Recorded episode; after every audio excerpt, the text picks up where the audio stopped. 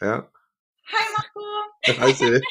Dette ble veldig gøy, da. For eh, Marco trodde jeg hadde trykka på record, så vi var godt i gang. Så nå bare går vi rett i det. Ja, det ja. med, jeg, tenker at, eh, jeg tenker at veldig mange vet hvem du er, Marco. Men eh, jeg må jo likevel si at for meg er du et stort forbilde. Det er liksom sånn, Jeg syns det er skikkelig stas å få snakke med deg nå. Og hver gang jeg treffer deg, så blir jeg oppløfta.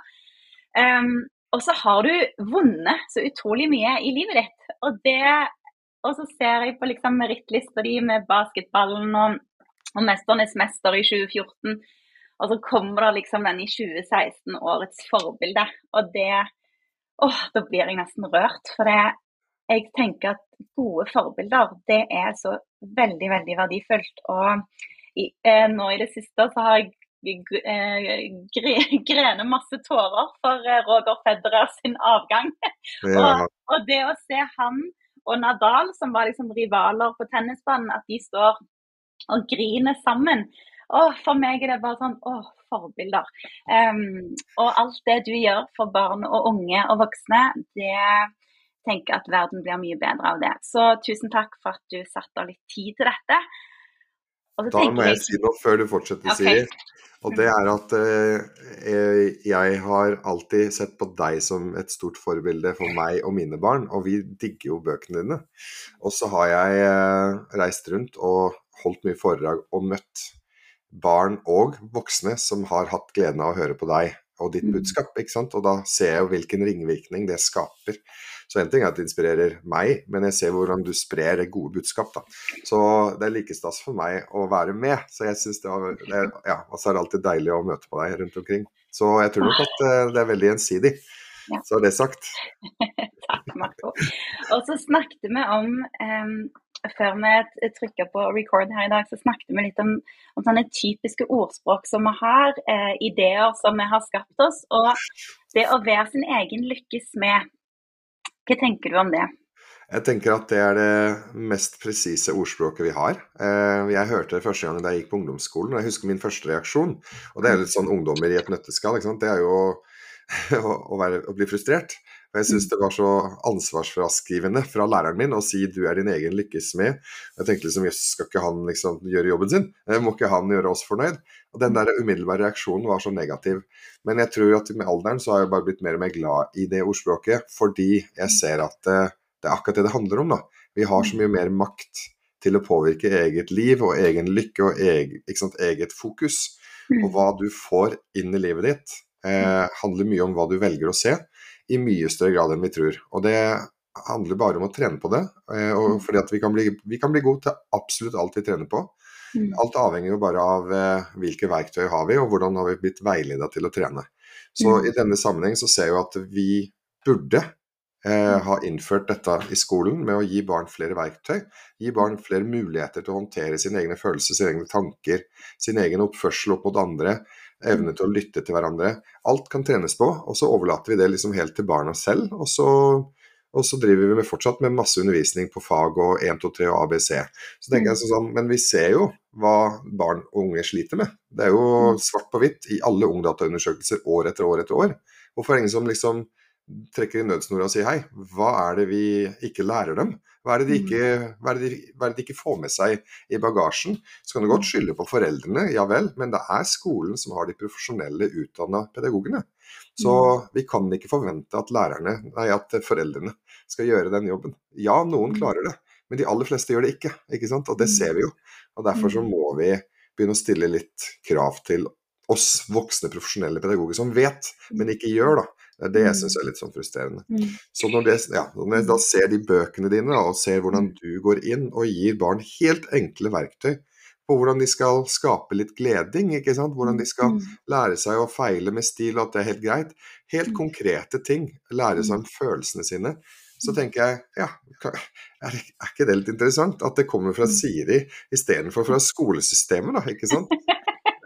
Det er NRK Super som har laga Bli med-dansen, som er en inkluderingskampanje nasjonalt. Det er ikke skolen. Og jeg syns det er sånn Mm. Hæ? Er ikke det litt sånn Skal en TV-kanal ta seg av det? Er ikke det Mm. skolens jobb? Ja, Ja, så danses det rundt omkring, da. Men det er jo hele veien på, sant, på initiativ fra TV-kanalen NRK Super som Mm. gjør dette bedre enn skolesystemet selv. Jeg syns det er Mm. kritikkverdig. Mm.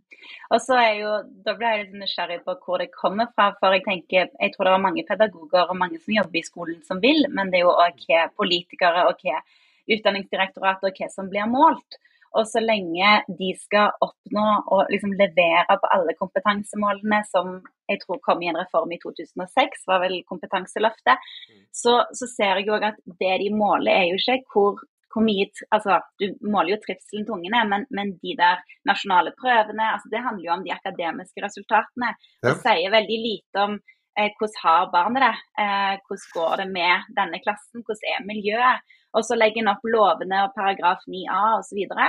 Eh, uten å på en måte få tid òg til å vektlegge enda mer lek, kreativitet, styrkearbeid. Altså, em, og, og det gjør meg veldig frustrert, for jeg syns jeg har vært på så mange utenforskapskonferanser, og det vet jeg at du òg har. sant? Og, og jobbet masse med ungdom som har falt utenfor. Og så, og så hører jeg hele veien ja, vi trenger mer forskning. vi trenger mer.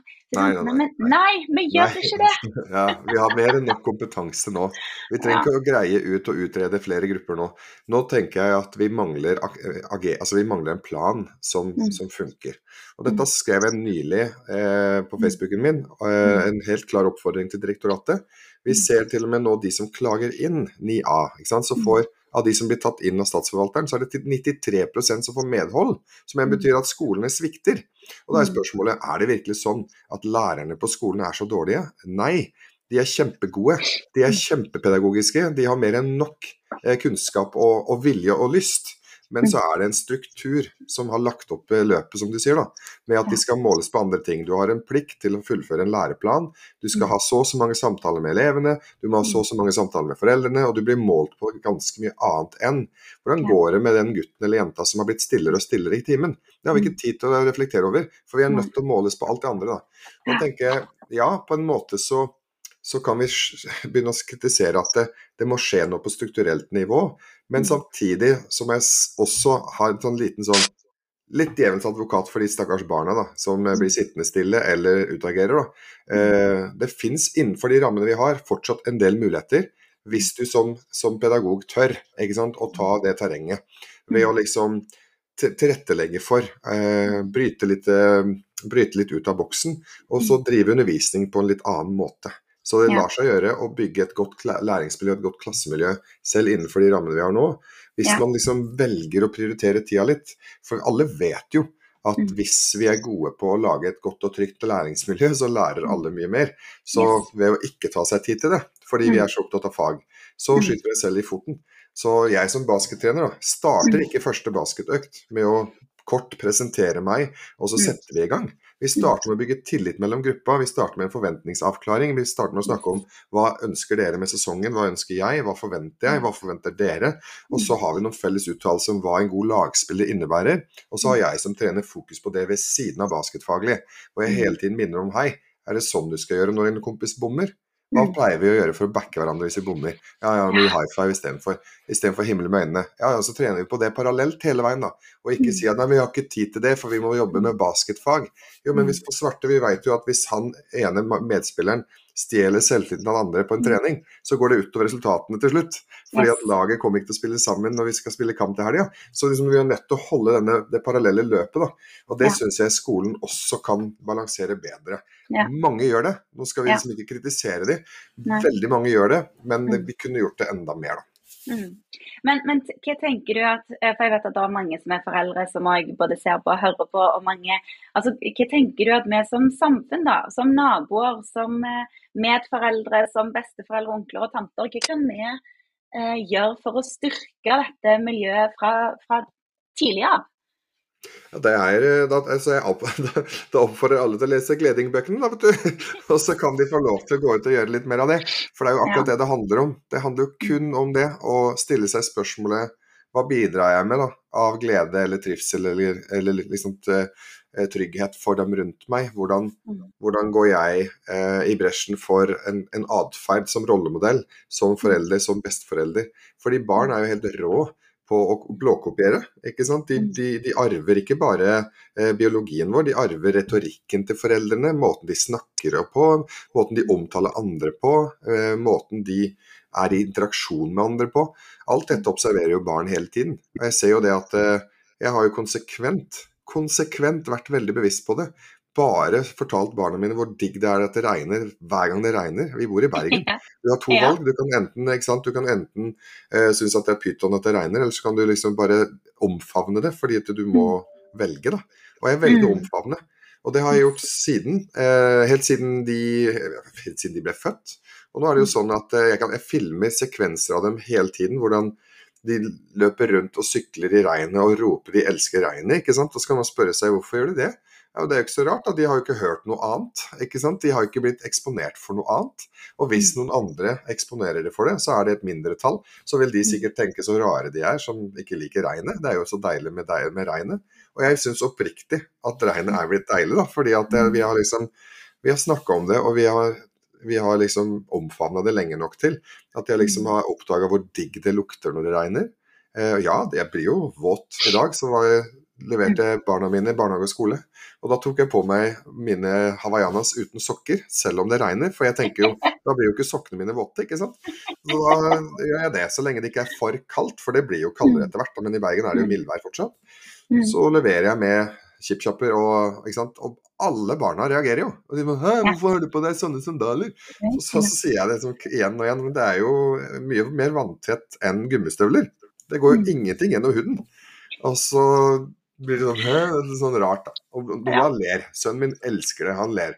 Ja, ja. Jeg tenker sånn Ja, men alt handler om fokus. Det handler om hva mm. vi eksponeres for over tid. Mm. Og hvis du eksponeres for å liksom ta vare på andre og skape mm. gleding, eller å eh, være en god nabo, være en god venn, så vil man bli bedre på det. Og det er jo det vi alle som storsamfunn kan ta litt inn over oss. da. Hvordan er det vi, hvordan er det vi men, bidrar? Men, men har, du alltid, har du alltid hatt det fokuset? Liksom, så lenge du kan huske? Har du Nei, ja, nei, nei, nei. Jeg nei. vet jo Jeg husker fortsatt hvordan jeg oppførte meg som femåring på fotballbanen. Ja. jeg var ganske fokusert på det målet. Ikke ja. sant? Og sentra ikke, fordi de andre på laget de drev og telte skyer og så på måker ikke sant? istedenfor å spille mm. fotball. Og alle mm. som har sett seksåringer spille fotball eh, Jeg var jo født seint på året, så jeg var fem da jeg begynte. Men alle som har sett seksåringer spille fotball, du får ikke større nivåforskjell på barn eller på idrettsutøvere i noen klasser enn mm. første året. Der er det de som har spilt med eldre brødre, som jeg hadde gjort, som er vant til et visst tempo og en viss teknikk, og har lært touchen og sentre og ta imot ball og sånn. Og så har du de som bare er helt ferske, som har nettopp blitt dytta inn i et idrettslag fordi foreldrene tenker det er smart å aktivisere de og være, sant, lære seg lagspill, og det er fint. Men da er jo nivået deretter. Så jeg, mm. som vinnerskalle som jeg var, da, så skjønte jeg at det å sende til en av gutta på laget som så vidt følger med, det er som å gi bort ballen til motstanderen. Det er jo ikke vits i. Så jeg bare lot, jeg lot være å sende Jeg sånn, gønna på og skårte masse mål. Og det førte jo til at faren min, som min store veileder, da, mm. presterte da hele tiden stille meg ansvarlig for fellesskapet. Da. Hele veien mm. spørre hvordan jeg spilte de andre gode. Mm. Eh, så han trente deg opp i fokus og ja. se at andre ting var viktig. Mm. Og det trente jeg på gjennom de samtalene. Og det er de samtalene jeg syns vi burde hatt flere av på skolen. Eh, jeg tenker jo at ok, jeg har et konkret eksempel til alle som eh, blir litt provosert av at vi sier at de må ta seg mer tid til dette på skolen. Mm. Mm. Hva med å bare avslutte hver eneste skoletime idet det skal ringe ut? Mm. Så bruker du ett minutt på å si folkens, husk Eh, husk å ta godt vare på hverandre, snu dere til høyre og venstre, pass på at ingen går alene. Og still dere selv spørsmålet når dere kommer inn fra friminuttet hvordan har jeg skapt inkludering og trivsel og trygghet i dag? Mm. Det, det, avslutt alle skoletimene på det, og så mm. starter du alle skoletimene etter pausene med å si hei, er det noen som har et eksempel på noen som skapte gleding, eller som skapte inkludering, eller som sa noe fint eller gjorde noe fint mot deg, eller mot noen du observerte? Kan noen fortelle en historie. Så henter du opp en heltehistorie hver eneste time. Lurer på hvilket fokus elevene vil få. da. Når de kommer inn fra timen, så sitter de jo sånn og vil være med å fortelle sin historie. Det er jo det som vil skje. Så det er jo sånn du på en måte skaper fokus. Men det har vi ikke tid til, vet du. Fordi at det, vi har så mye annet å gjøre. Jeg tenker sånn, ja, du kan velge, for det tar ikke så lang tid.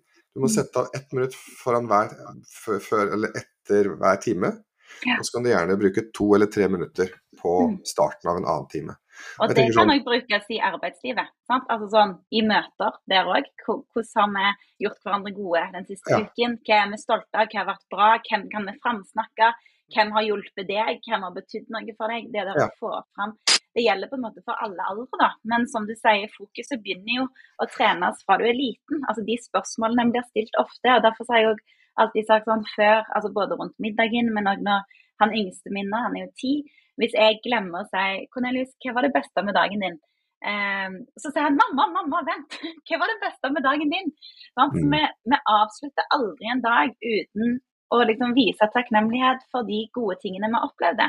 Og det går helt automatisk. Mm. Og, ja, det er så nydelig. Og Grunnen til at det går automatisk, er jo fordi at mm. hjernen lages jo, eller fungerer jo sånn. ikke sant? Det du, mm. det du repeterer ifølge eh, forskning, og han professor Gillius som lærte meg dette her, da, så sa han at hvis du gjentar noe i mellom 21 og 30 dager hver dag, så blir det en vane. Det er sånn det automatiserer. Og da er det tankebanene i hjernen som faktisk fysisk vokser, på lik linje som denne bicepsen min ville vokst hvis jeg liksom gjentok og gjentok denne øvelsen med vekter i harmen. Du får ikke noe som helst endring hvis du gjør det én gang og venter på nye muskler. ikke sant? Da kan du sitte forgjeves. Men hvis du gjentar og gjentar og gjentar, så vil den muskelen få trening, og dermed så vil fokuset, hjernen sende signaler om at fiber og muskel må bygges i den armen. Mm. Og det, det samme gjelder disse tankebanene. Jo flere ganger du bruker de, desto mer viktig blir de. da, og Da får de større plass. Og de blir fysisk større. Og da øker de tempoet, de kommer automatisk. Så jeg har stilt spørsmålet til mine barn sant, når de begynte på skole. Sara går jo i åttende nå, og noe er i andre. Men, men, hva fint har du gjort for andre? Hva fint har andre gjort for deg? Eh, hvem har du lekt med? Jeg er opptatt av for å kartlegge miljøet og se at de faktisk har noen å leke med. Og at de også involverer flere enn bare de samme to eller tre bestevennene de har. da. For alle har jo litt, litt, ekstra gode venner i perioder. Og da mm. tenker jeg sånn Fint, da må vi bare få innsyn. Og jeg trenger ikke lenger å spørre. Nå kommer jo de og forteller, for de vet jo hva pappa kommer til å spørre om. Så det er ikke vits å spørre lenger. Så da kommer jo historiene som vi har hatt fokus på i, i en periode. Da. Sånn vil det også være med sønnen din, da, som sier hva er det beste med dagen. Det er jo det hjernen søker, søker å hente. da. På lik linje med når man har kjøpt denne bilen, da, så, så, har man brukt veldig mye tid på det valget. Da har hjernen sendt så mange signaler fram og tilbake. Det er ingen som kjøper en bil spontant. De har alltid satt seg inn i alle mm. mulige ting. Og da har hjernen på et eller annet vis registrert så, mange, så mye fokus og så mye tanker om den bilen. Og da er det den bilen som på en måte blir viktig for hjernen, da, i gåstein. Og så sendes det en liten sånn bestilling til underbevisstheten om at det er den bilen som er viktig nå. Og da sier ok, sier underbevisstheten da. Og så sitter du liksom, og kjører den nye bilen din, da, og plutselig så popper det opp masse biler i trafikken, og så lurer du på hvor de kommer fra. ikke sant? Ja, ja. Og det er jo underbevisstheten som sier der er det en, og der er det en, og der er det en, og følg med nå, der er det en til.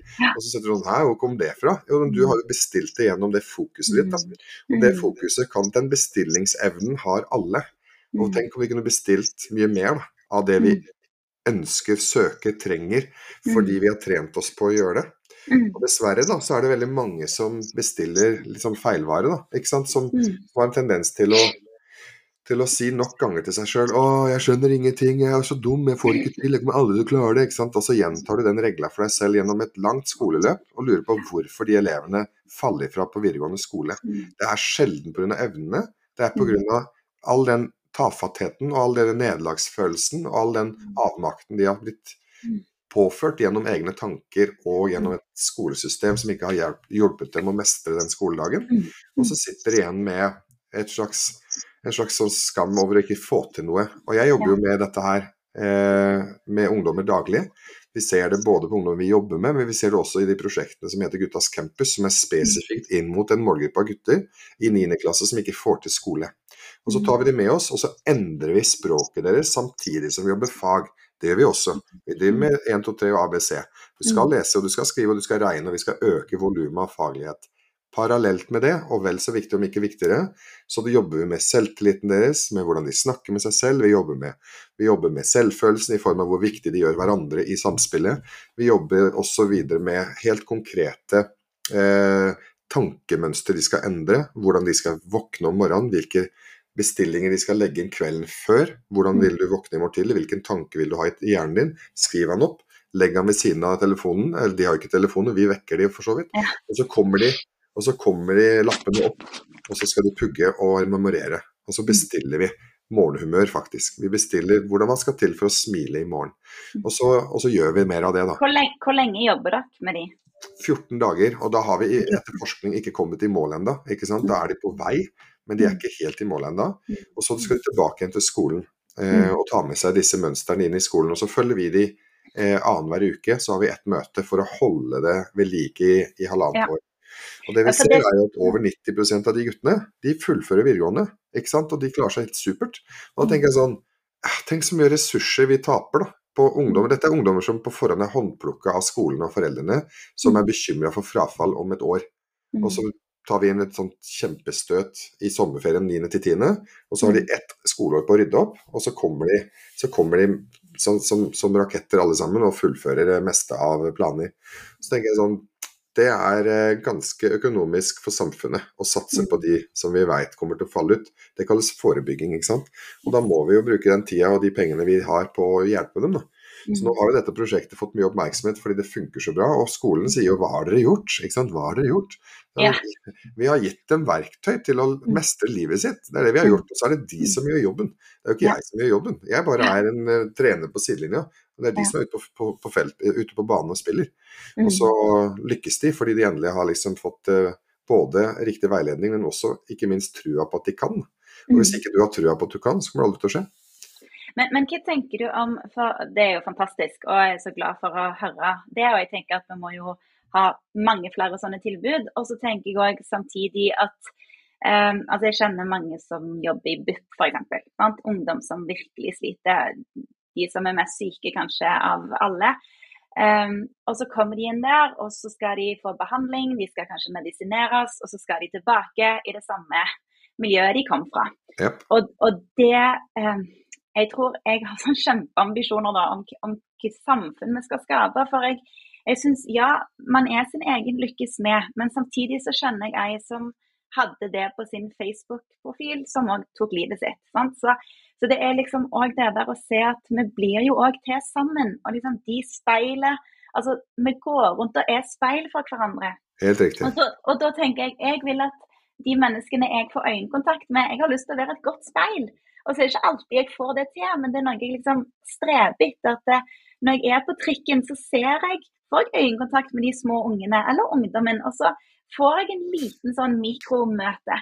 Um, og det er der jeg syns, når vi liksom har denne foran oss hele veien, vi sitter sånn som dette på bussen, um, så savner jeg at flere løfter blikket, da. Og liksom får med seg at vi, vi kan smitte på hverandre med medmenneskelighet og løft. Og hvis alle hele veien bare må på en måte passe på seg sjøl, så syns jeg det blir så stusslig, da. Jeg har så lyst til at flere skal se Og Det er veldig fint at du sier så tydelig, fordi det handler jo ikke om at det ene utelukker det andre. ikke sant? Nei. Det er jo ikke sånn at hvis jeg blir min egen lykkes med, så skal jeg mm. være en individualist resten av livet. Fordi oppi, oppi dette så er på en måte det er to ting som må henge sammen, og det sier jeg jo til alle foreldre når jeg reiser rundt og prater, at hvis mm. jeg skal hvis jeg skal gi dere to konkrete eh, råd da, basert på mm. min egen filosofi, som handler om hva jeg har lyst til å få til som pappa, så er det sånn at uh, hvis, jeg ha, hvis, jeg skal prøve å få mine barn til å få et godt liv, det er jo det vi alle ønsker. Vi vil at barna skal ha det bra, de skal ha et godt liv i framtida. Og, og, så har vi så mange år på oss da, på å gi dem noe, og så skal de ut i verden og prøve seg på egen hånd. Og min datter er blitt 13, det er snakk om maks seks år, vil jeg tro, ut fra den personligheten jeg ser så vil hun ut i verden. ikke sant? Og Da er hun ferdig med videregående, og jeg tror ikke hun kommer til å bo hjemme i tre år mens hun studerer. Det kan du bare glemme. Da skal hun liksom ut. Og Derfor så vet jeg at jeg har de seks åra, under seks år, på å gi henne det jeg har lyst til å gi henne. Og da er hun ute og flyr. Eh, hva vil jeg at hun skal ha med seg? Og, og da er det to ting ikke jeg, jeg, tror på at det er de to tingene som gjør et godt fundament. Og også alt annet er en bonus. Ja. Og Nummer én det er at hun får evnen til å bygge gode relasjoner. At hun klarer samspill med andre mennesker. Det er hun dønn avhengig av, fordi, som du sier, da, hun må speile sitt mm. liv og sine følelser og sine tanker med, med andre mennesker til enhver tid. Fordi den, den, største folkesykdommen er faktisk ensomhet. Det er mm. den som, den som virkelig tar knekken på et samfunn. Mm. Og det andre som de må bli gode til, disse barna våre, det er jo å, å, evne å ha et godt forhold til seg selv. Så det er liksom relasjoner i begge ender. da. Det er relasjon til andre, relasjon til meg. I det så ligger det en slags evne til å snakke seg selv opp og fram, og ikke nedenom og hjem. Som igjen betyr, ikke sant, som du har skrevet så fint, at du, at du er raus når du feiler, og at det å feile det er, en, det, er en, det er, en, naturlig del av livet. Livet går opp og ned, og, og, ikke bare det. Det er faktisk av og til fint å feile, for da lærer vi noe, osv. osv. Alt dette kan man trene på. Så hvis barna mine har et godt forhold til seg selv og et godt forhold til andre, og evner å tilpasse og, og la andre være seg sjøl og få lov å være at, de, at, de, at, de, omfavner mangfold og forskjeller mm. og ikke dømmer, så mm. tenker jeg at da kan de få lov til å studere akkurat hva de vil. Jeg bryr meg, jeg, altså jeg bryr meg virkelig katta om, ja. om, det blir det ene eller andre. Mm. Bare de evner å ha et godt liv. Og så tenker jeg, hva må til? Hva er det vi må lære dem da? Ja, mm. det er klart det er viktig at hun, sant, Sara nå eh, mestrer matte, for hun begynte i februar allerede. ikke sant, Og mm. si kommer du til å bli sur på meg hvis jeg, hvis jeg bare får to i matte? Ikke sant? En ja. sånn bekymring som begynner å dukke opp mm. på barneskolen. Mm. Og da måtte jeg si til Sara har vi noen gang snakka om karakterer? Så sa hun nei, mm. det er derfor jeg lurer. Så tenker jeg ok, fair enough. ikke sant? Mm. Og så sa jeg liksom men, men men tror du jeg kommer til å bli sur hvis du kommer med en toer? Eh, og hvorfor spør du egentlig om det? Og Så svarte hun fordi jeg kommer til å få to, sa hun. ikke sant? Mm. Eh, og da sa jeg til henne hvis den toeren, Sara, er basert på at du virkelig har gjort så godt du kan, og du vet at det er det jeg er opptatt av, at du skal gjøre så godt du kan, eh, og du kommer hjem med den toeren og du har jobba for det, så skal jeg gi deg den største high fiven høyest oppe. Mm. Helt nydelig. Men hvis den toeren er basert på at eh, du syns ting var vanskelig, og så orka du ikke, og så lot du det ligge, og så gadd du ikke, og så venta du, og så kom prøva plutselig, og så, så snubla du inn i den toeren, da. Fordi det kunne ha blitt en treer, det kunne ha blitt en firer, det kunne ha blitt en femmer. Men du gadd ikke, fordi at du, du syntes det var mer behagelig å gå og ha det kjekt med venner og bare snappe rundt. Så kommer jeg til å bli skuffa. Ikke sur, men jeg kommer til å bli skuffa, fordi at da har du svikta deg selv mer enn andre. Og den skuffelsen handler om at jeg virkelig vil at du skal skjønne at ved å jobbe hardt, så kommer du til å få resultater. Men ved å trene på å unngå ubehag, ved å unngå matte fordi det er vanskelig og kjedelig, så trener hjernen din faktisk på at når ting blir ubehagelig, så er det best å stikke av. Og det er veldig dumt å trene på. Så toeren i matte er mindre bekymra for enn retorikken du utvikler gjennom å stikke av. Ja. Og det er det mange som har lært seg gjennom skole, og det fortsetter de med langt opp i voksenalderen. Eh, de gir seg veldig fort i kjærlighetsforhold, de gir seg veldig fort i arbeidslivet, de gir seg veldig fort når ting blir vanskelig. Og mm. det ønsker ikke jeg for deg. Så nei, jeg kommer aldri til å bli sur, men jeg kommer til å være opptatt av prosessen bak den mm. toeren. Den er jeg mye mer opptatt av. Ja. Og det kommer vi til å snakke mye om. Så nå er spørsmålet ja. til henne.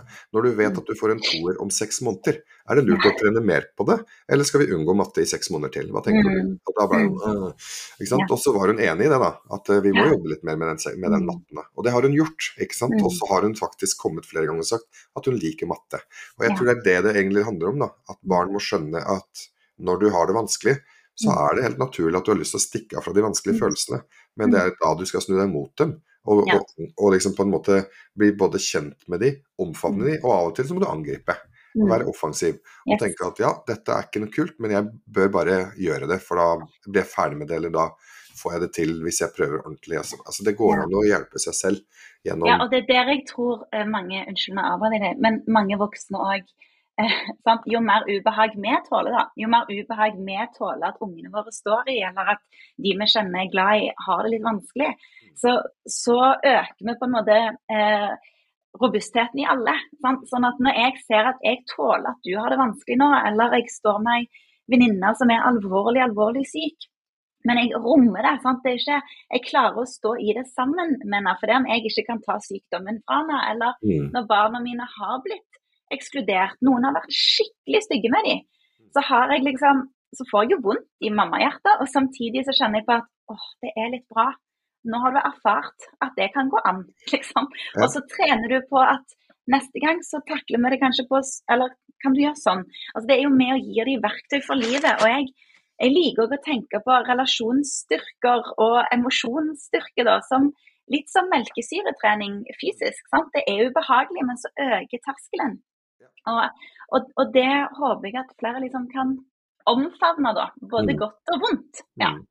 Og det tror jeg du har helt rett i, og det ser vi jo at de, de foreldrene som, som, ikke umiddelbart leiter etter en utgang når det blir ubehagelig for barna eller for oss, de, eh, de vil jo være de, de, de fyrtårna i uroen, ikke sant, og lære barna at eh, OK, når det blir uro, så, så går det også over.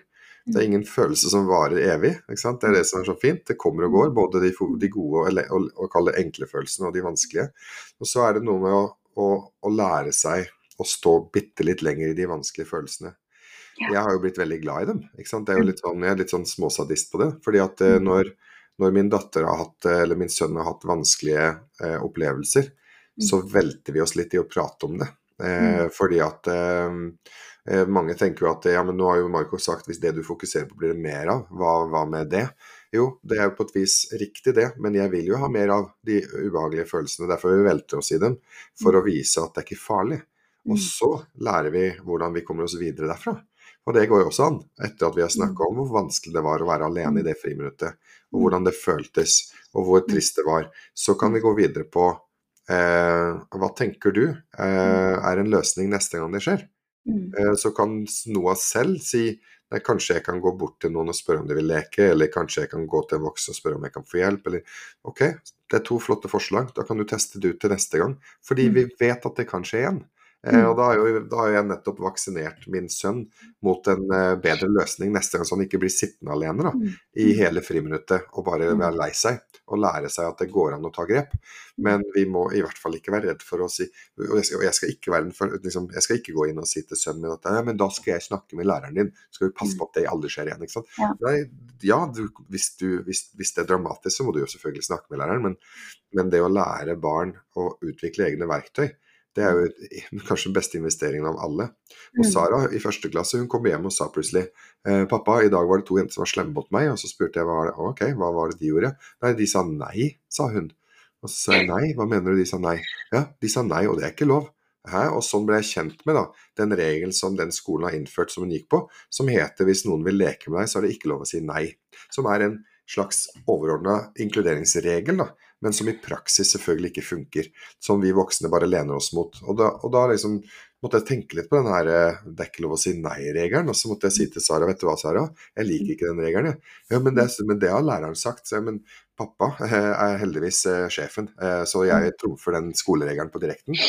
Og det handler jo om den pedagogiske analysen min da, av at en jente på seks år skal lære seg på systemnivå at det ikke er lov å si nei. Er du sinnssyk? Jeg vil at dattera mi skal lære at et nei er et nei, og, og alle gutta bør skjønne at et nei er et nei. Så det siste vi skal lære gutter og jenter i skolen, er at det ikke er lov å si nei. Ikke sant? Det er bare sånn Er du vill? Så, så jeg sa til Sara at du skal lære å si nei på en god måte. Det tenker jeg er mye smartere. Så da, da lærte vi det på direkten at eh, hvis noen vil leke med deg, og du ikke har grunn til å si nei fordi at de faktisk de kan være med, da, er- da syns jeg ikke det er greit at du sier nei. Da må vi være snille, og så må vi si selvfølgelig skal du få være med. Mm. Eh, Men hvis du er midt i leken, Sara, og, Mm. og dere koser dere, og så kommer det noen og sier 'jeg vil være med', så har ikke de rett til å være med. Da kan du Mm. faktisk si på en hyggelig måte 'vet du hva, vi er i gang og leker, vi', og det passer Mm. ikke nå, men vi kan Mm. leke neste friminutt. Det er en Mm. måte å si nei på til venner, og det er det vi venner gjør. Hvis noen ringer meg og sier 'vil du være med på middag på lørdag', og jeg ikke kan for jeg er bortreist, så sier ikke jeg 'nei, gå vekk'. Da sier jo jeg eh, 'jeg kan ikke på lørdag', men hva med søndag, eller hva med neste Mm. uke? Det er sånn venner gjør, sa jeg, og sånn snakker vi til venner. Så vær vennlig og si nei på en fin måte, men ikke si nei hvis det ikke er noen grunn. Da er det fint å være inkluderende. Og dette trenger barn å trene på Men nei, da. Det er ikke lov å si nei. Som om vi voksne praktiserer den regelen. Ser du det for deg, eller? At folk kommer på døra di på kvelden og sier 'hei, Siri, jeg har lyst på kveldsmat', og det er ikke lov å si nei, så du må slippe meg inn nå. Ikke sant? Det er sånn, nei, får jeg ikke lov å sette grenser? Er det sånn det skal være? Og det, det samfunnet prøver vi å bygge opp i første klasse på barneskolen. Så tenker jeg sånn, Hvorfor skjer det? Jo, fordi vi voksne er så jævla late og upedagogiske og ikke gjør det vi skal med å lære de å bruke mer tid på hver eneste samtale, sånn at det blir varig da, og litt bærekraftig. Så disse to slemme jentene, da, ifølge min datter, så hadde vi et eget, eh, en egen samtale om begrepet slem og hvordan vi definerer andre. Men det kan vi la ligge nå. Så sier jeg til Sara, hva gjorde du da når de sa nei til deg? Og da sa hun Nei, da, da gikk hun rett til læreren da, inne på lærerværelset og henta henne ut. Og så ble hun med ut. Og så hadde hun, som ser du for deg øyeblikket, da, to jenter som sitter i sandkassa i første klasse. Så kommer myndigheten ikke sant? og så bøyer seg over dem og sier 'Hei, jenter, kan Sara være med å leke?' Og så sier jentene selvfølgelig mm. Og nå har Sara fått lov å være med å leke likevel. Så spurte jeg Sara hvordan føltes det for deg å være med med to jenter og leke som egentlig ikke ville ha deg med å leke? Så sa hun jeg likte ikke det egentlig. Så jeg nei, interessant. Så her kom det en løsning du, ingen var fornøyd med. Mm. Verken de to eller Sara var fornøyd med den løsninga, men det var det vi gjorde fordi at vi skal løse problemet med å skape inkludering på den måten. Da. Og da spurte jeg Sara hva kunne du ha gjort istedenfor? La oss trene nå mens vi kan, for dette vil skje igjen. Hva Ja. kunne du ha gjort istedenfor? Og da visste hun ikke. ikke? For det er sånn en seksåring er. Nei, jeg vet ikke. Nei, Det er derfor vi har samtalen. Vi skal trene litt. Hva kunne du ha gjort? La oss Mm. late som nå. Du lukker øynene nå og ser for deg at du står med sandkassa, de to jentene leker og sier nei. Hva kan du gjøre nå? Så blir hun frustrert. Nei, men jeg vet ikke. Sånn, så sier jeg, men Sara, eh, snu deg mot høyre og venstre. Hvor er de andre barna? Nei, de er overalt. Ok, hvor mange av de barna rundt deg kunne du tenkt deg å leke med? Rams opp alle gutter og jenter i klassen du liker. Og hun har så mange venner, så hun bare bam, bam, bam, bam. Sant? Så jeg, ok, kunne det vært en løsning? Å gå til noen av de andre istedenfor? Ja, så jeg, er ikke det mye kortere vei enn å gå helt til lærerværelset og hente en voksen? Eh, jo, kan du gjøre det neste gang, spurte jeg. Ja, det kunne hun. Ja, men så flott. Og så sa jeg, men la oss fullføre det, liksom hele teorien da. Hvis ingen av de andre heller vil leke med deg, Sara, for nå har du prøvd tre, fire, fem forskjellige venner, og alle er i gang og leker, og ingen har lyst til å leke med deg fordi de liker ikke å bli avbrutt, hva gjør du da? Da går jeg hen til læreren, sa hun. Så jeg, ja, det kan du, men det er én ting til du har glemt, som vi kan ta med. Og da sa han, hva da? Så sa hun, du har vært enebarn i seks år før du fikk en lillebror. Mm. Hvor, mange var, hvor ofte har du lekt alene? Å, ja, jeg kunne leke alene. Ja, det kan du, og det er du ganske god til, er du ikke det? Jo, og hvorfor er det gøy da? Det har du sagt til meg mange ganger, jo, for da kan jeg bestemme alt sjøl. Liksom. Mm. Mm. Supert. Og da dyrker vi det også. Så sier jeg, det er ikke dramatisk, Sara, å være alene i et friminutt. Det går fint, det klarer du fint. Du er ofte alene, så ikke, ikke gjør noe større nummer ut av det enn det. Men, sa jeg, her er regelen. Hvis du er alene i friminuttet én, to og tre ganger på rad, det tredje friminuttet, Sara, da er det på tide å gi beskjed til en voksen. For det er ikke noe greit å være alene hele dagen. Mm. Og kan du da, og vet du hvem voksen det er du skal snakke med da? Så sa hun uh, læreren. Jeg nei, da er faktisk skoledagen over. Fordi at da har, det vært, har det vært tre friminutt, og da er det for seint å snakke med læreren. Da foreslår jeg at du snakker med mamma eller pappa, og så skal vi bli enige om hvordan vi går til læreren. fordi at da tror jeg voksne skal bli med deg. Og da bare OK, da gjør vi det sånn. Den samtalen hadde vi etter to uker i første klasse på barneskolen. Og siden har hun aldri kommet hjem og sagt at noen har vært slemme mot henne, eller noen har sagt nei. ikke sant? Og så får jeg hele tiden bekreftelser da, av andre foreldre og, andre, og lærerne når vi har sånne utviklingssamtaler. Og hun er så flink til å se andre og inkluderende og bla, bla, bla. Men hvorfor tror du hun er det, da? Det er jo ikke sånn at hun er en superjente i 7. eller 8. klasse. Hun har bare fokus på det, og hun trener på det. Og så får hun spørsmål om det, og så får hun oppmerksomhet på det, og så får hun high five for å være inkluderende. Det er grunnen til at et barn blir inkluderende. Det er jo ikke, det er ikke hokus pokus. Ja. Nei, Det er nei. ikke superkrevende. Men, men hvordan tenker du om det da, hvis du tar det inn på et basketballag, der du har noen som er, som er kjempegode å skåre mål, eh, og, og liksom ja, eh, får til det alltid. Og så har du en gjeng som virkelig vil, men som ikke presterer like bra, som jo må være med på leken og være med på laget. Um, og så er det det der um, kortsiktige Vi vil vinne denne kampen, så da gir vi de som allerede presterer best under press, tid. Eller så, så satser vi på hele laget, gir alle spilletid, for det vil være langsiktig klokt. For her ser jeg jo at eh, litt sånn som i, i skolegården, da, så har en de utfordringene, men på, på banen så har en mange andre. Og det er så mange voksne som setter kultur, eh, som jeg blir veldig nysgjerrig på liksom, hvordan de tenker. Eh, og med hvilke grep kan de ta for å skape, liksom, gjøre alle gode, da, sånn at vi blir et mer robust lag. Ja, og, og det første vi må på en måte erkjenne, er at alle blir ikke like gode. Og det skal de ikke være. Så det, det, det er en sånn utopi. Men det som, Mm. som Den metaforen den er ikke helt, helt overførbar mellom skole og Mm. basket, men jeg kan Mm. prøve så godt jeg kan. Når jeg Mm. trener basketlag, og det har jeg gjort mange ganger, så er det første vi gjør, det er en forventningsavklaring før vi begynner. Vi starter ikke å trene basket når vi skal spille basket, vi starter med å prate. Hva innebærer å være en god lagspiller? Eh, hva tenker dere er viktig å gjøre? Og da, og da er det elevene eller ungdommene selv som kommer med oppskriften på hva de forventer for å fungere best mulig sjøl. Og det er alt fra det er ikke lov å kjefte, det er ikke lov å himle med øynene, vi sentrer til hverandre, vi, vi tar vare på hverandre. Altså De har en helt konkret oppskrift som er mye mer presis enn vi voksne ville sagt. Vi ville sagt at det er viktig å ta vare sant? Inkludering, vi bruker sånn respekt og store ord. De går rett på ikke lov å himle med øynene når andre bommer. ikke sant? De, de forteller sånn de praktiske, det de har sett og det de syns er vondt, det vil de ikke ha. Og så blir vi enige om at ok, det er det en god lagspiller er. Og så kan vi stille neste spørsmål. Sant? Hva er ambisjonene? Vil dere bli best mulig i løpet av sesongen, eller vil dere vinne kamper? Det må vi avklare med en gang. For hvis det er viktigst å vinne kamper, så må vi faktisk av og til ta noen kjipe valg der vi må toppe mot slutten av kampen. Det må dere erkjenne selv at det, vil, det, det ønsker dere. Men hvis dere ikke ønsker det, hvis det spiller null rolle for dere om vi vinner eller taper, så spiller vi en jevn fordeling. Det kan jeg fint ta, ta, hensyn til. Men det er faktisk sånn at det er ikke jeg som voksen skal bestemme det. Vi må ha litt respekt for det òg. Fordi det er faktisk noen av de litt mindre gode spillerne som ikke vil spille når det, når det blir eh, vanskelig. fordi at de vil ikke bli syndebukken heller. ikke sant? Og da kan ikke jeg tvinge han til å spille. Så det er veldig sånn, det, det, går, det finnes så mange nyanser vi må ta hensyn til. Så jeg har jo faktisk spilt i A-serien med et lag som skulle vært i B-serien, kun fordi de vil utvikle seg mest mulig. Og da sa jeg til dem at da må vi faktisk spille i A-serien, fordi vi spiller bedre basket mot gode lag enn hvis vi mm. spiller mot nybegynnere som er dårligere enn oss igjen. Da, da mm. blir vi ikke like gode.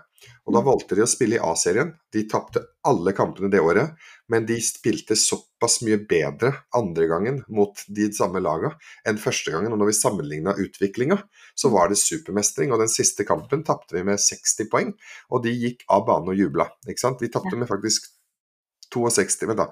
100 Nei. Første gangen så tapte vi Nei, andre, jeg skal avsløre Andre gangen så tapte vi eh, 96-38. Vi tapte med 58 poeng. Um, og da var, ikke sant? Men første gang vi spilte mot det laget som var Norges beste uh, gutter 14-lag, mm. så, så, var resultatet 132-2. Ikke sant? Og Når du starter sesongen med å tape 132-2, så skjønner du nivåforskjell. De kjørte mm. fullbanepress, og de nekta oss å komme over banen. Um, og, og, da var lagmålet når vi møtte det igjen, det var jo å prøve å skåre mer enn 20. For da hadde vi mm. blitt ganske mye bedre til å skåre. Og så skulle vi holde de under 100. Det var det som var lagmålene våre. Og da spiller vi mot Norges aller beste lag, ikke sant. I en klasse som vi egentlig ikke skulle vært i. Og så klarer vi å skåre 38 istedenfor 20. Vi har nesten dobla våre mål, og så holder vi de under 100. Og Det var en egen kamp i kampen på slutten der. For vi klarte jo offensivt mål for lenge siden, men det var liksom hold de under 100, for da er vi et av Norges beste forsvarslag. For de fleste de, skårer mer enn 100 mot nesten alle i serien. De er sinnssykt gode. Og så klarer vi å holde til 96. Og da, altså Den jubelen som gikk av etter den seieren, eller seieren etter en, sant, vår individuelle seier. Da. Vi, skulle, vi, klarte begge lagmålene våre mot Norges beste lag. Altså De var helt i hundre. Og det andre laget gikk av bane og hang med huet, for de skjønte at det var det som var kampen. Da. Det var en sånn ja. egen kamp i kampen. Ja. Så vi hadde du kommet inn i hallen den dagen og sett de to lagene som gikk av banen med den resultattavla, så hadde du satsa penger på at det var vi som vant. Eh, fordi at det var vi som mestra mest. Mm. Og da er liksom hele veien spørsmålet hvorfor skjedde det, da? Hvorfor klarte et lag som taper alle kampene det året, å gå av banen med så stor mestringsfølelse, og hvor foreldrene sitter på tribunen og jeg har tårer i øynene og holder taler når vi har pizza et par dager seinere. Og du syns det var den gøyeste sesongen ever. Eh, mm. og det er fordi at vi definerer våre egne mål, og vi definerer vår egen seier. Og det mm. kan man Så, så, så jeg Og da var jo liksom fokuset hardt arbeid. Vi skal aldri gi oss. Det var liksom knallbestilling fra meg. Vi kommer til å tape kamper. Hvis dere henger med huet og går hjem i forsvar istedenfor å løpe, så er det ikke vits å spille her, for vi kommer til å tape. Så mm. her skal vi, liksom, vi skal lære oss å spille gjennom motstanden. Vi skal tape, men vi skal jobbe sammen. Vi skal ikke kjefte. Hvis vi kan stå sammen i motgangen, så skaper det en dynamikk i laget hvor vi blir kjempelojale mot hverandre. Så var det fokuset. ikke sant? Og når vi tapte 132-2 så kan man gå i garderoben og tenke hva i huleste skal man si nå?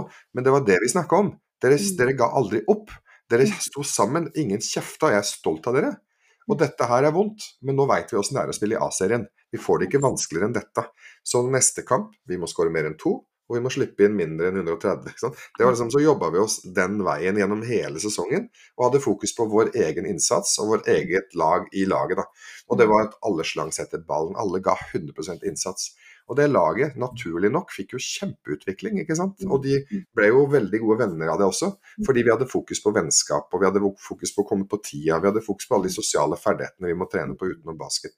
Og det laget, de klarte jo selvfølgelig å slå flere av de lagene bare året etter allerede. Så de har tatt igjen og slått to av lagene som vi ble knust av et år tidligere. Og da fikk de jo en kjempemestringsfølelse på at ja, det funker, vi tar igjen, faktisk når vi ligger bak og trener hardt og gjør det vi skal, så tar vi igjen. Mm. Um, og Det er liksom en lærdom de kanskje har fått med seg uavhengig av basket. og Jeg håper jo at mm. folk skjønner at det, her, det handler ikke lenger om basket. Det handler om at de lærer at det å stå sammen i motgang, det å mm. jobbe hardt, det å ikke gi seg Alt er mye viktigere ferdigheter og mye viktigere verdier enn basket. For det å putte en ball oppi en kurv, det er jo helt høl i huet. Ikke sant? Det er, sånn helt sånn, det er jo ikke noe hva, hva i huleste er gøy med det, liksom? Jo, det er liksom Ja, du traff. Gratulerer. Men, Mm. men hvis du kan gjøre det til et felles prosjekt som handler om å bli et bedre menneske i prosessen, da, det er jo da idretten vinner. Og for meg er liksom idrett forgjeves hvis ikke vi jobber med å utvikle oss som mennesker sammen. Da kan du bare drite i det. Da burde du ikke, da burde du ikke drive med idrett, spør du meg. Og derfor så er det liksom så vanskelig å sammenligne skolemiljøet da, med, en, med et basketlag, for der er det så konkrete, definerte Mm. mål som er lett å liksom forholde seg til. Mm. Mens, mens vi har ingen sånne felles mål i klasserommet. Men det, det ene felles målet man kan sammenligne med, er jo hva hvis?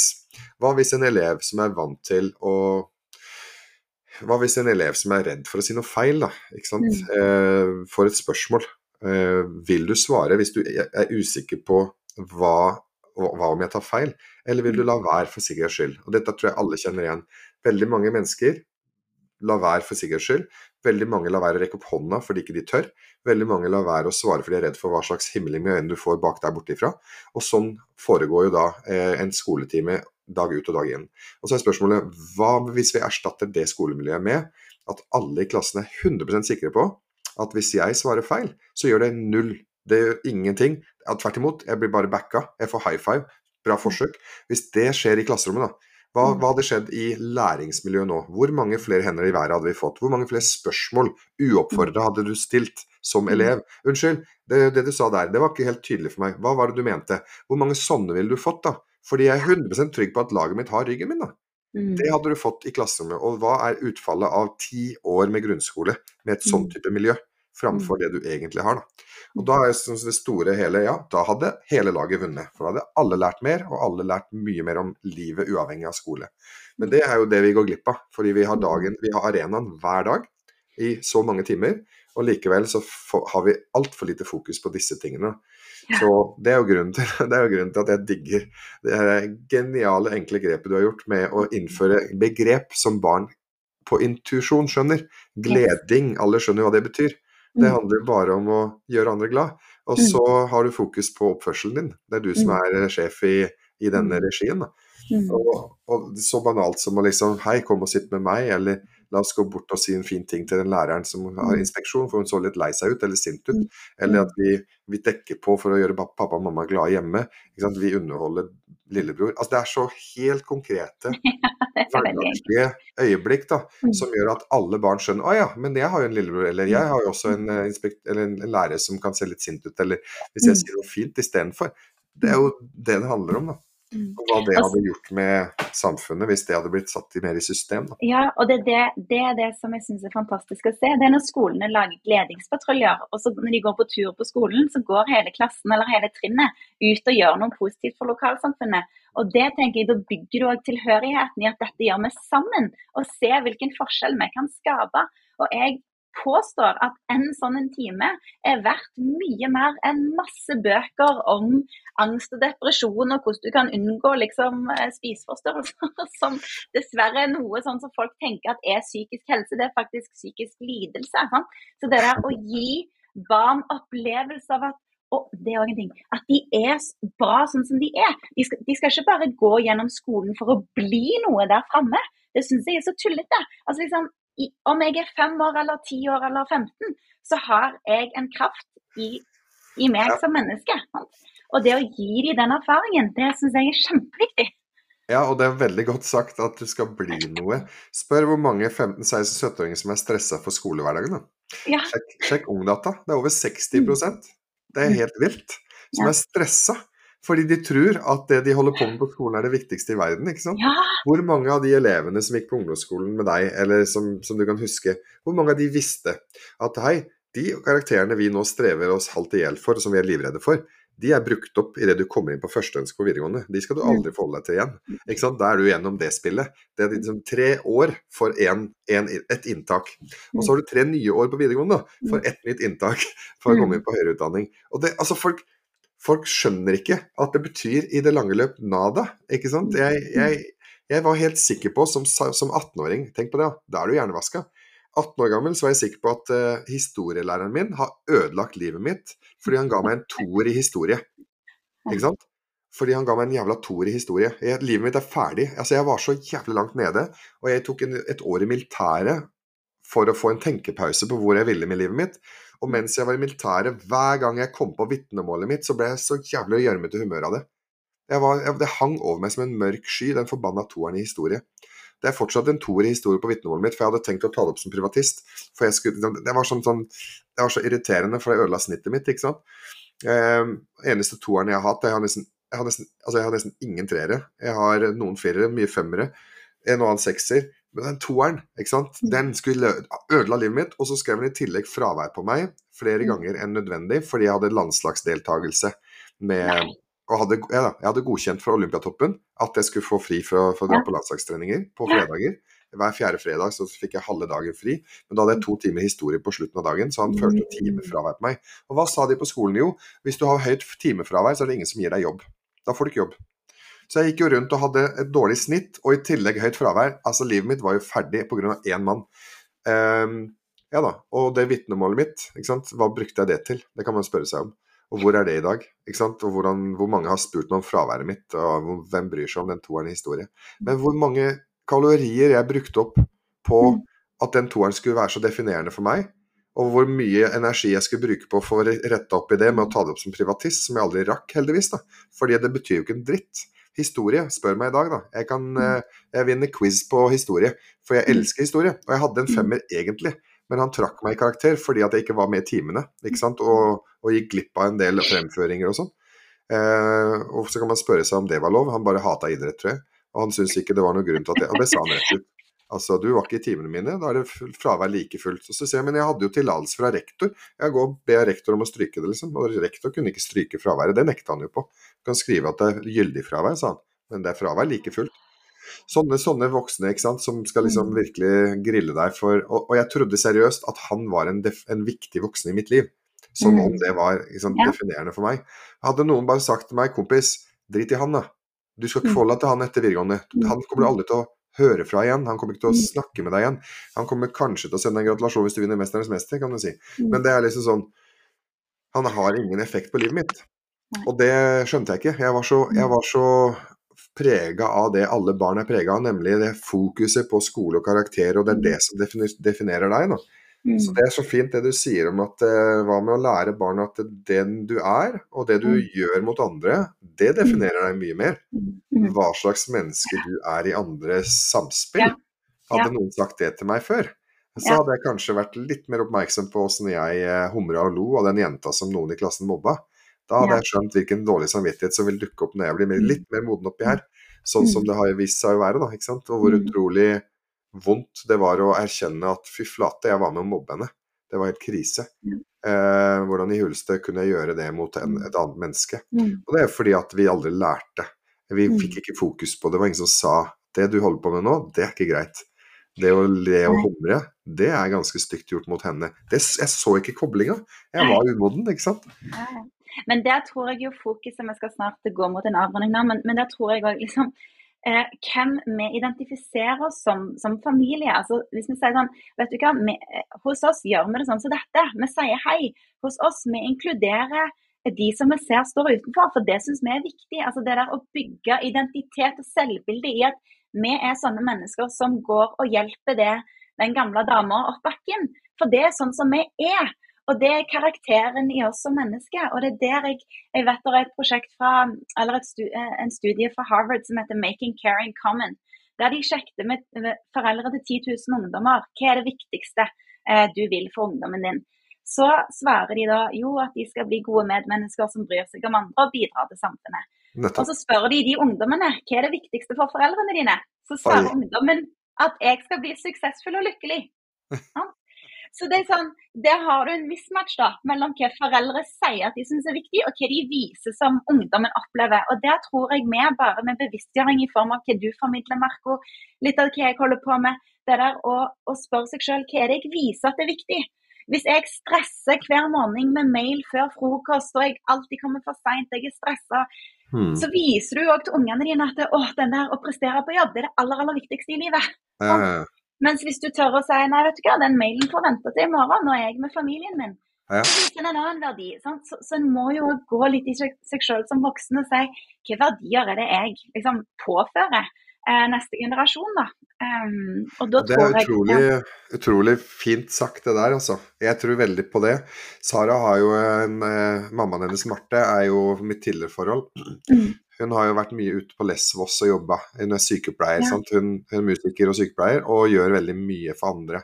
mm, Og det har jo selvfølgelig også hatt en enorm sant, effekt på Sara, som ser at mamma gjør det, og pappa gjør det.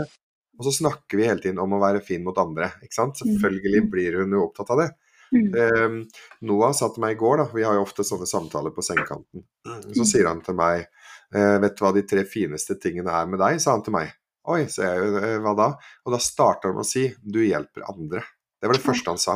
Og det var veldig rørende. da. Og så Mm. sier jeg hva er det nummer to, da? Da sier han at vi leker sammen. Ikke sant? Det er nummer to.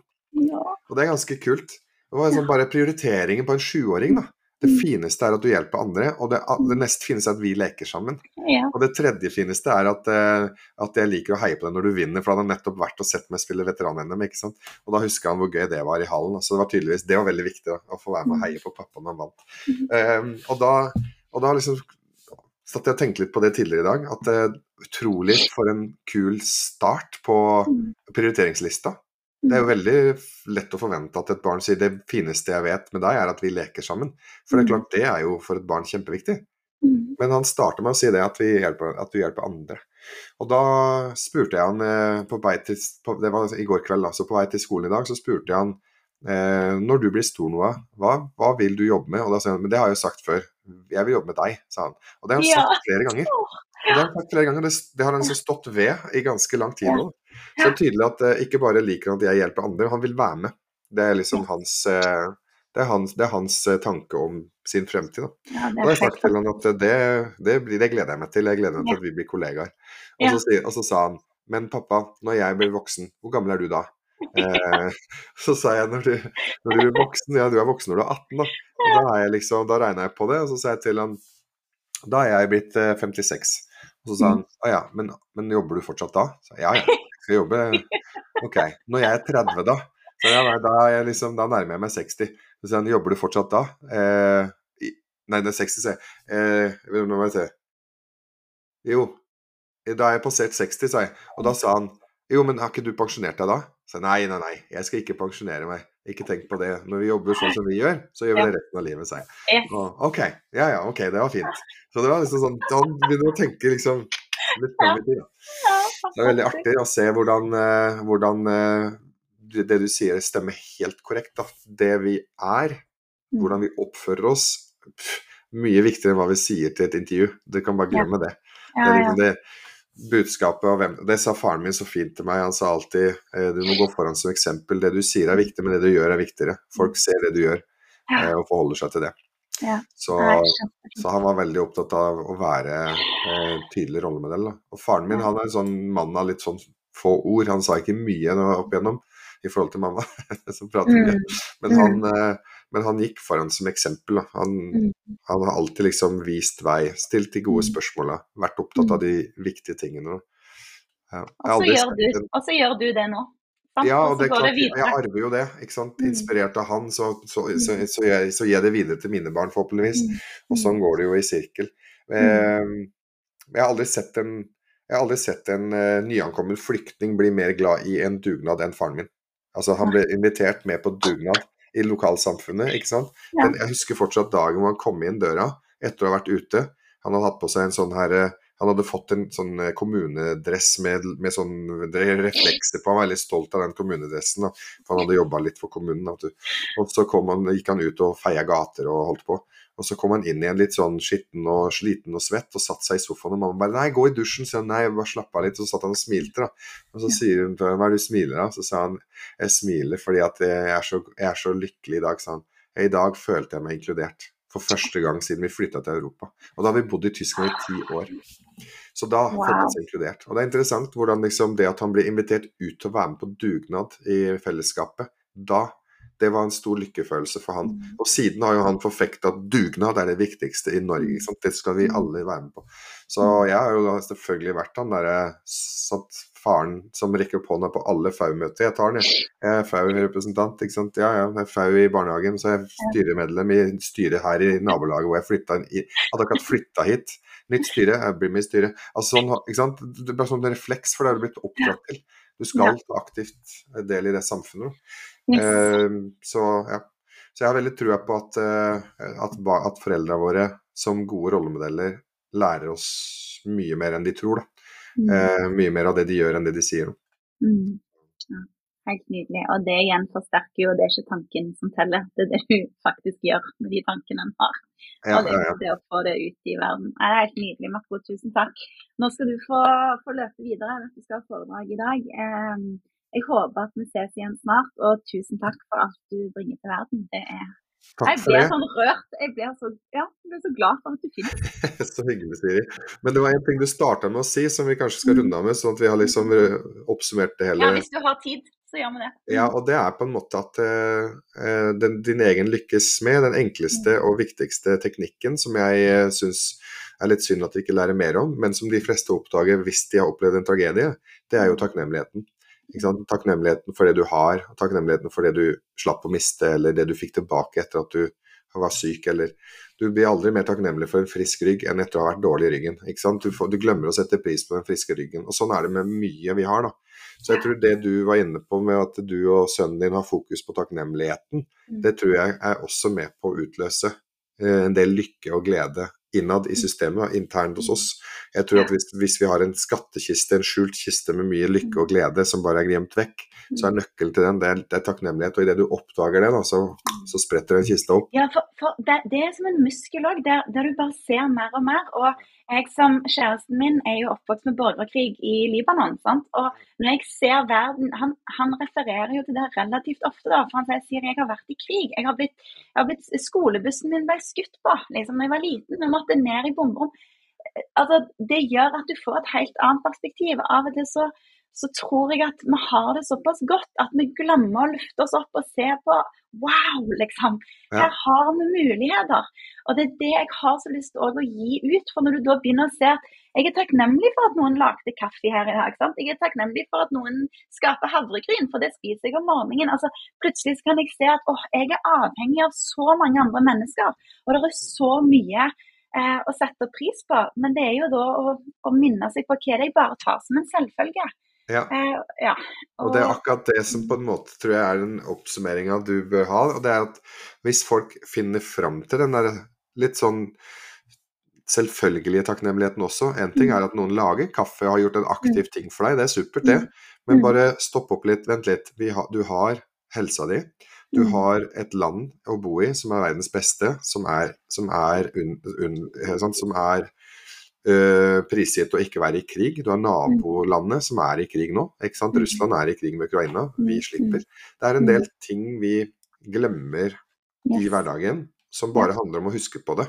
Og ikke fordi at vi skal kall det dyrke elendigheten med at ja, mm. men han i Libanon har jo opplevd krig. Du skal ikke dyrke historiene, mm. men du skal mm. bruke det som referanse for å huske på hvor heldige vi er. Yes, yes. Eh, og det er jo ofte gjennom andres tragedie vi husker på ting, men skal vi virkelig vente på en ny tragedie før vi liksom husker ja. det, eller kan vi bare velge å minne oss sjøl på det? Og som du sier, jo mer vi trener på det, jo mer blir det av det.